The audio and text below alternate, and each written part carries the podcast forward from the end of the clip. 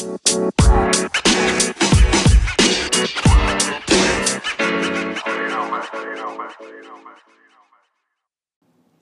semuanya, welcome back to my podcast, Andra Sofian Podcast.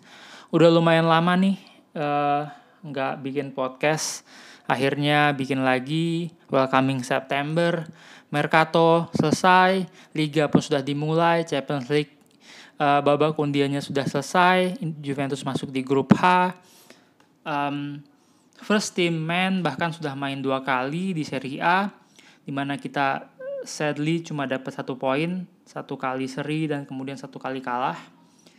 Uh, di sisi lain, First Team Women melanjutkan kedikdayaannya. So far udah main pertandingan terakhir tadi pagi. Uh, ini di record um, 2 September.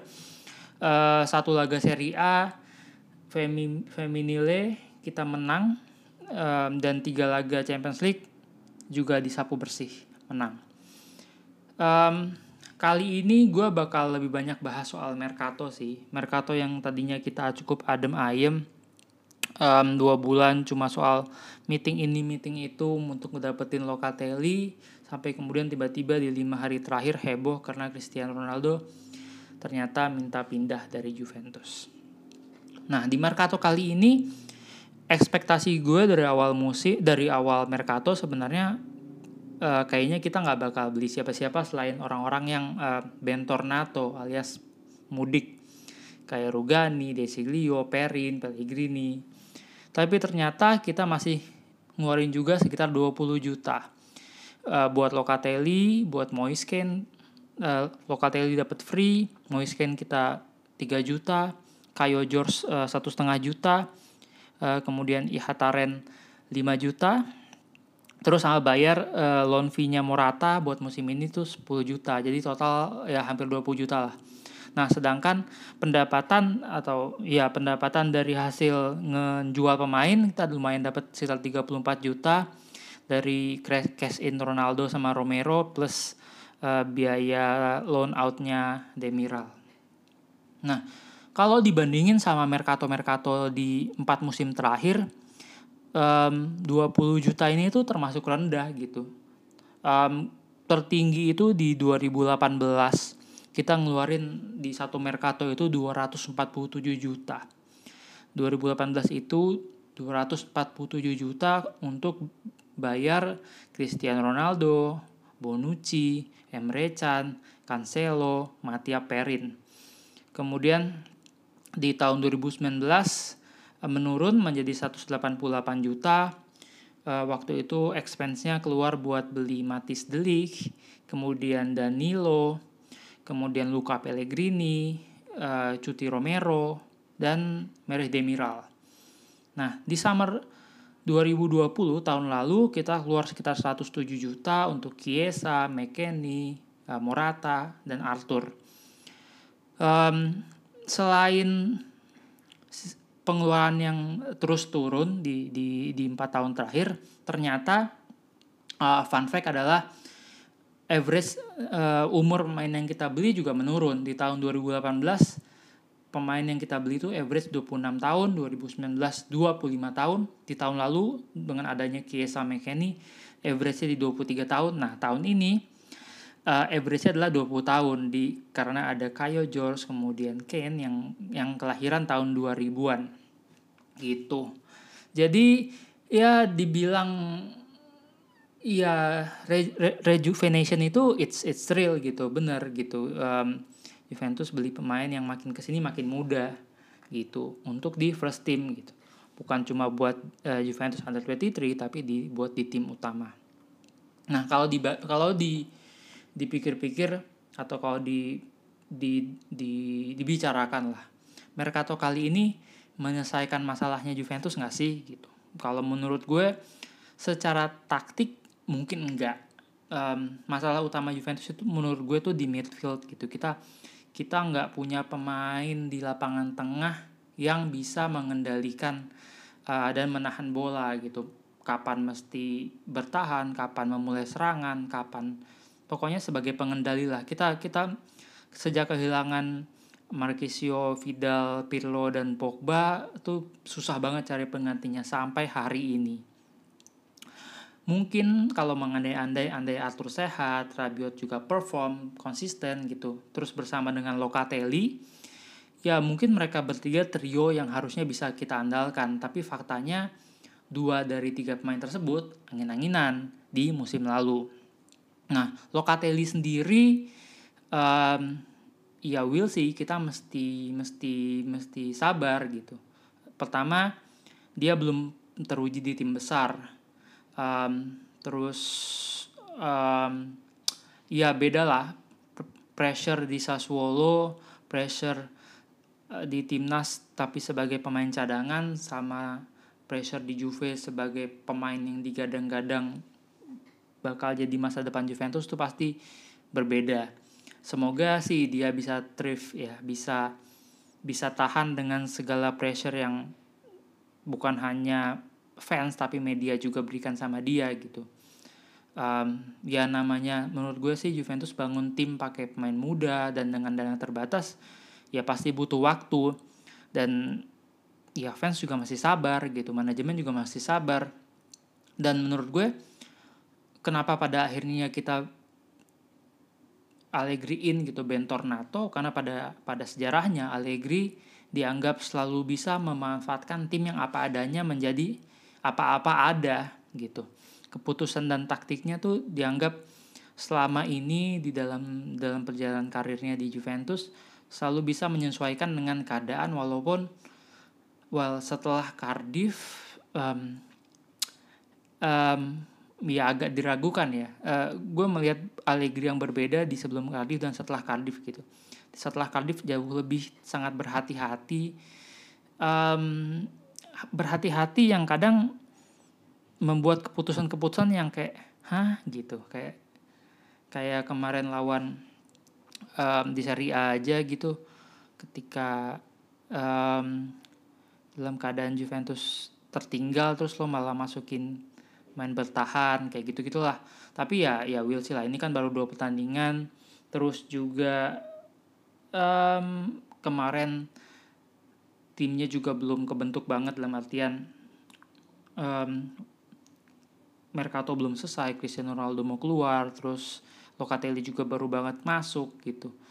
Um, ya akibat dari pembelian Locatelli yang bertele-tele membuat dia telat masuk ke tim sehingga butuh waktu lebih buat bisa nyetel dan dan um, balikin level of fitnessnya juga gitu um, itu soal midfield. Kemudian soal kehilangan Cristiano Ronaldo, um, tentunya masalah utamanya adalah siapa sih yang bakal jadi goal getternya Juventus nih karena selama tiga musim terakhir bersama Cristiano Ronaldo, Juventus itu mencetak 294 gol.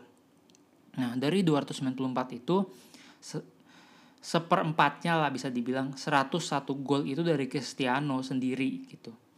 Jadi ya seperempat gol ini siapa yang bisa gantiin kalau sebelumnya di nomor 9 atau center forward di Juventus kan cuma ada Morata gitu sekarang ditambah Moiskin sama Kayo George um, tentu harapannya dua pemain ini akan bisa tidak bisa menggantikan tapi ya Cristiano Ronaldo ya Cristiano Ronaldo gitu tapi bisa memberikan uh, kontribusi juga yang besar buat Juventus tapi bagaimanapun kita lihat lagi mereka ini Kayo George, Moiskin, dan Kulusevski adalah pemain termuda di skuad Juventus saat ini.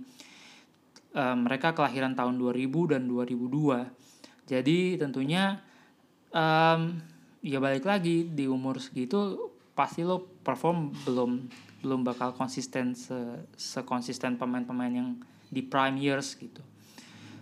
Ya beberapa orang kayak mengkritik Kulusevski kok beda banget sih sama kayak waktu di Parma? Misalnya ya ya 20 tahun masuk Juventus masih kaget-kaget kali ya. Maksudnya ya tadinya di Parma main for fun terus sekarang Juventus main for trophy gitu ya. Ya pasti beda sih. Jadi menurut gue ya itulah pentingnya pentingnya kestabilan tim.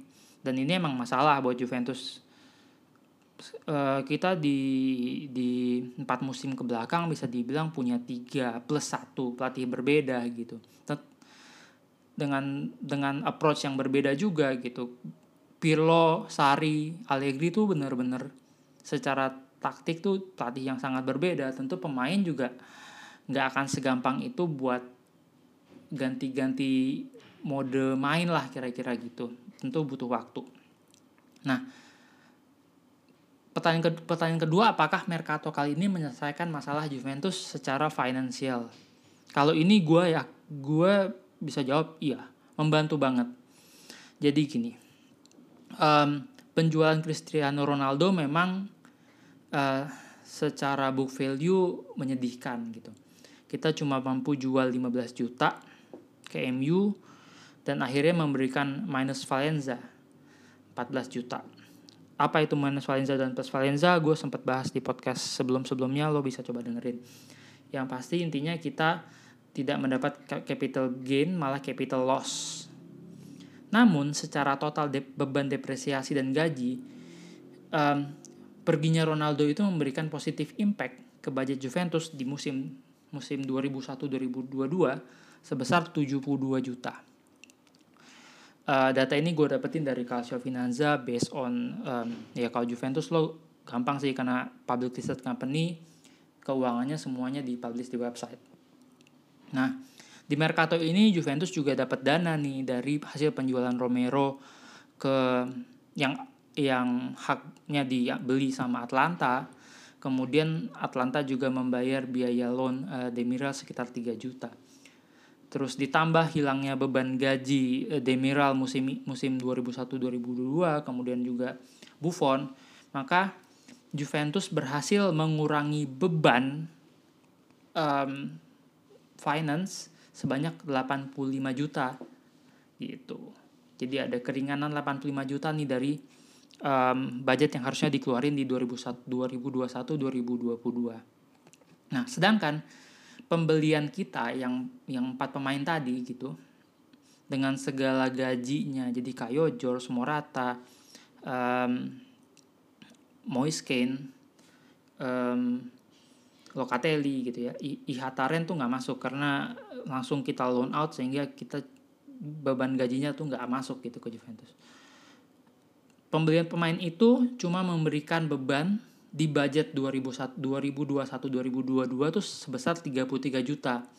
Jadi dari penghematan yang 85 juta tadi dikurangin beban tambahan 33 juta, Juventus masih berhemat 52 juta di budget 2021-2022. Nah, penghematan ini tuh signifikan.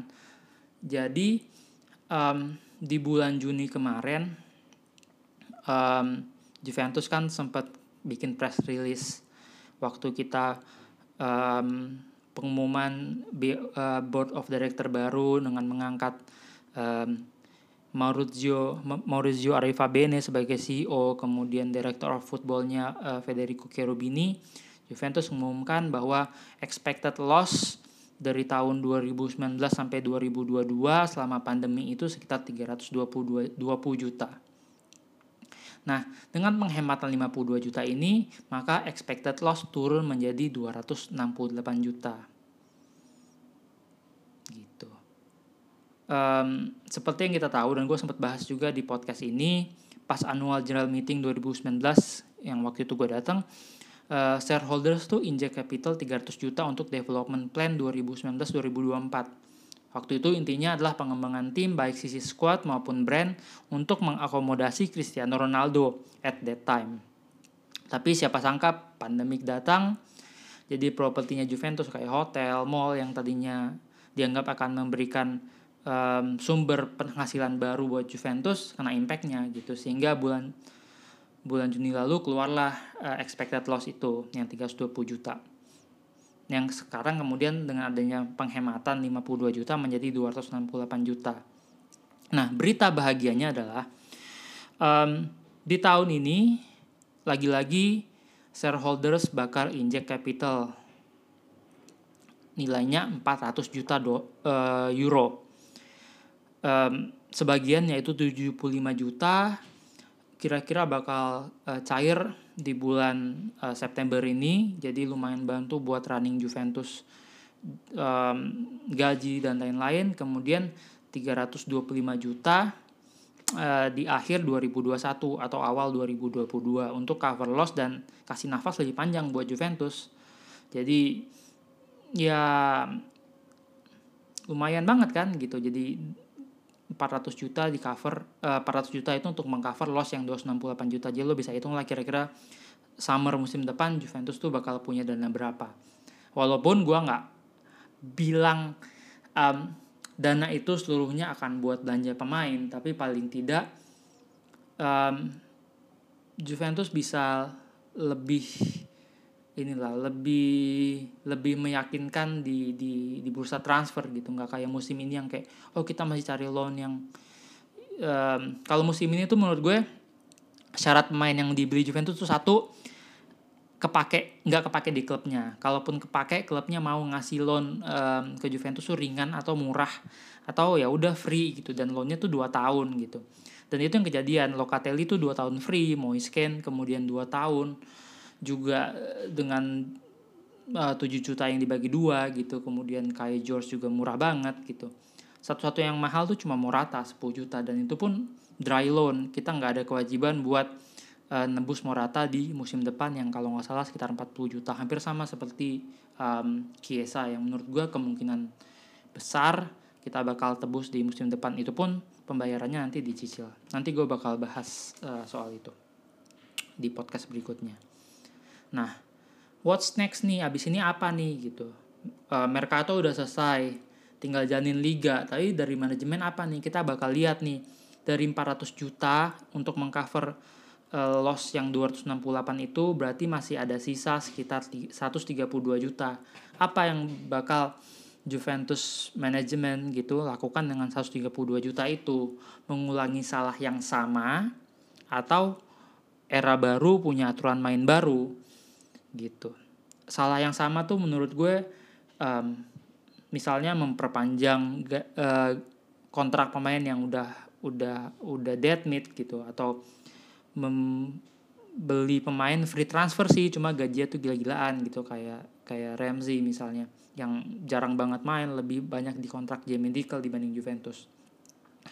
Nah sebagai pengingat aja di empat musim ke belakang bisa dibilang Juventus tuh secara organisasi agak chaos. Kita tuh punya tiga pelatih berbeda. Dari Allegri ganti Sari ganti Pirlo kemudian balik lagi ke Allegri. Dan yang lebih parah transfer decision juga dipegang sama tiga orang berbeda. Dari mulai Marota, kemudian Paratici, dan sekarang um, diganti sama Arifa Bene Cherubini.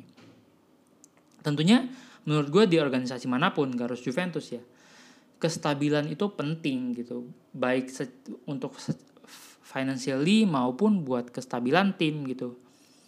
Um, ya semoga era baru jauh lebih baik. Long live era baru. Cherubini Arifa Bene bisa memberikan input yang lebih baik buat Agnelli sehingga yang ya ya disayangkan sih. Jadi kayak Juventus Cristiano Ronaldo tuh kayak not meant to be gitu um, perfect player but uh, di waktu yang salah aja gitu. Kalau misalnya ini kalau ngandai-ngandai gitu ya. Cristiano Ronaldo tuh di zaman yang midfield kita mid kita punya masih ada Marquisio Vidal Pogba tuh bakal bakal jos banget gitu. Persoalannya kan sekarang enggak gitu. Kita kita tuh nggak bisa ngasih apa yang apa yang Ronaldo dapetin di Madrid gitu. Kita nggak bisa ngasih apa yang Ronaldo butuhin buat buat dia buat dia bisa berkontribusi lebih buat Juventus gitu. Bisa dibilang tiga tahunnya di Juventus tuh lebih banyak mencahin rekor pribadi aja dibanding ngasih sesuatu buat Juventus um, on field ya. Um, jadi ya kita lihat apakah manajemen yang baru bisa belajar dan dan berbuat yang lebih baik gitu. Karena PR pertama tentu soal perpanjangan kontrak. Di 2022 ada pemain seperti uh, Matias um, Mattia Deseglio yang umurnya nanti sudah sudah 30 tahun, kemudian Cuadrado 34 tahun, Perin 30 tahun, Bernadesi 28 tahun dan tentu saja Paulo Dybala 29 tahun. Nah, lima pemain ini bakal dikasih perpanjangan kontrak atau di, dijual katakanlah di Januari dengan harga murah atau dibiarkan free pergi di tahun 2022. Ya kadang memberikan free itu lebih bagus dibanding kita udah ngalamin Higuain, uh, Douglas Costa, uh, ya kemudian Matuidi, kita beri perpanjangan kontrak, kita jual susah, akhirnya kita uh, mutual agreement kontraknya diputus, tapi kita loss alias minus Valenza gitu. Jadi strategi strategi perpanjangan kontrak ini juga juga krusial gitu. Nah ini bakal kita lihat enam bulan ke depan karena kalau by, Jan, by Januari orang-orang yang tidak diperpanjang kontrak tentu mereka akan bebas pergi di summer 2022. Kemudian Juventus juga akan memutuskan apakah uh, Morata dan Chiesa akan ditebus di summer 2022 um, tentunya har manajemen harus punya planning yang yang benar khususnya mau rata ya kalau Kiesa menurut gue uh, hampir pasti bakal ditebus lah dengan segala performanya kemudian juga uh, Italia dan lain-lain. Tapi mau rata gimana gitu? Apakah Juventus um, punya strategi atau mencari uh, central forward lain selain Kayo George dan Moise Kean gitu? Pemain yang masih sangat muda apakah bisa dikasih beban segitu besar gitu sebagai goal getter Juventus atau Juventus sudah sudah punya nih? Apakah sudah ada katakanlah PDKT misalnya sama Mbappe atau PDKT sama um, Rayola buat dapetin Halan ya baik lagi gue bilang kita punya punya duit dari capital increase di musim depan. Kita punya keleluasaan gaji dengan hilangnya Ronaldo. Jadi ya ya nggak ada salahnya dong bermimpi gitu. Um, itu aja sih dari gue soal Mercato kali ini. Terima kasih sudah mendengarkan. Jangan lupa di follow terus jangan lupa di share uh, sampai ketemu di episode berikutnya. Dan kalau kalian punya topik yang pengen dibahas atau kalian punya pendapat soal Mercato ini mention aja. Feel free ke ke Twitter atau Instagram gue @andersofian Forza Juve ciao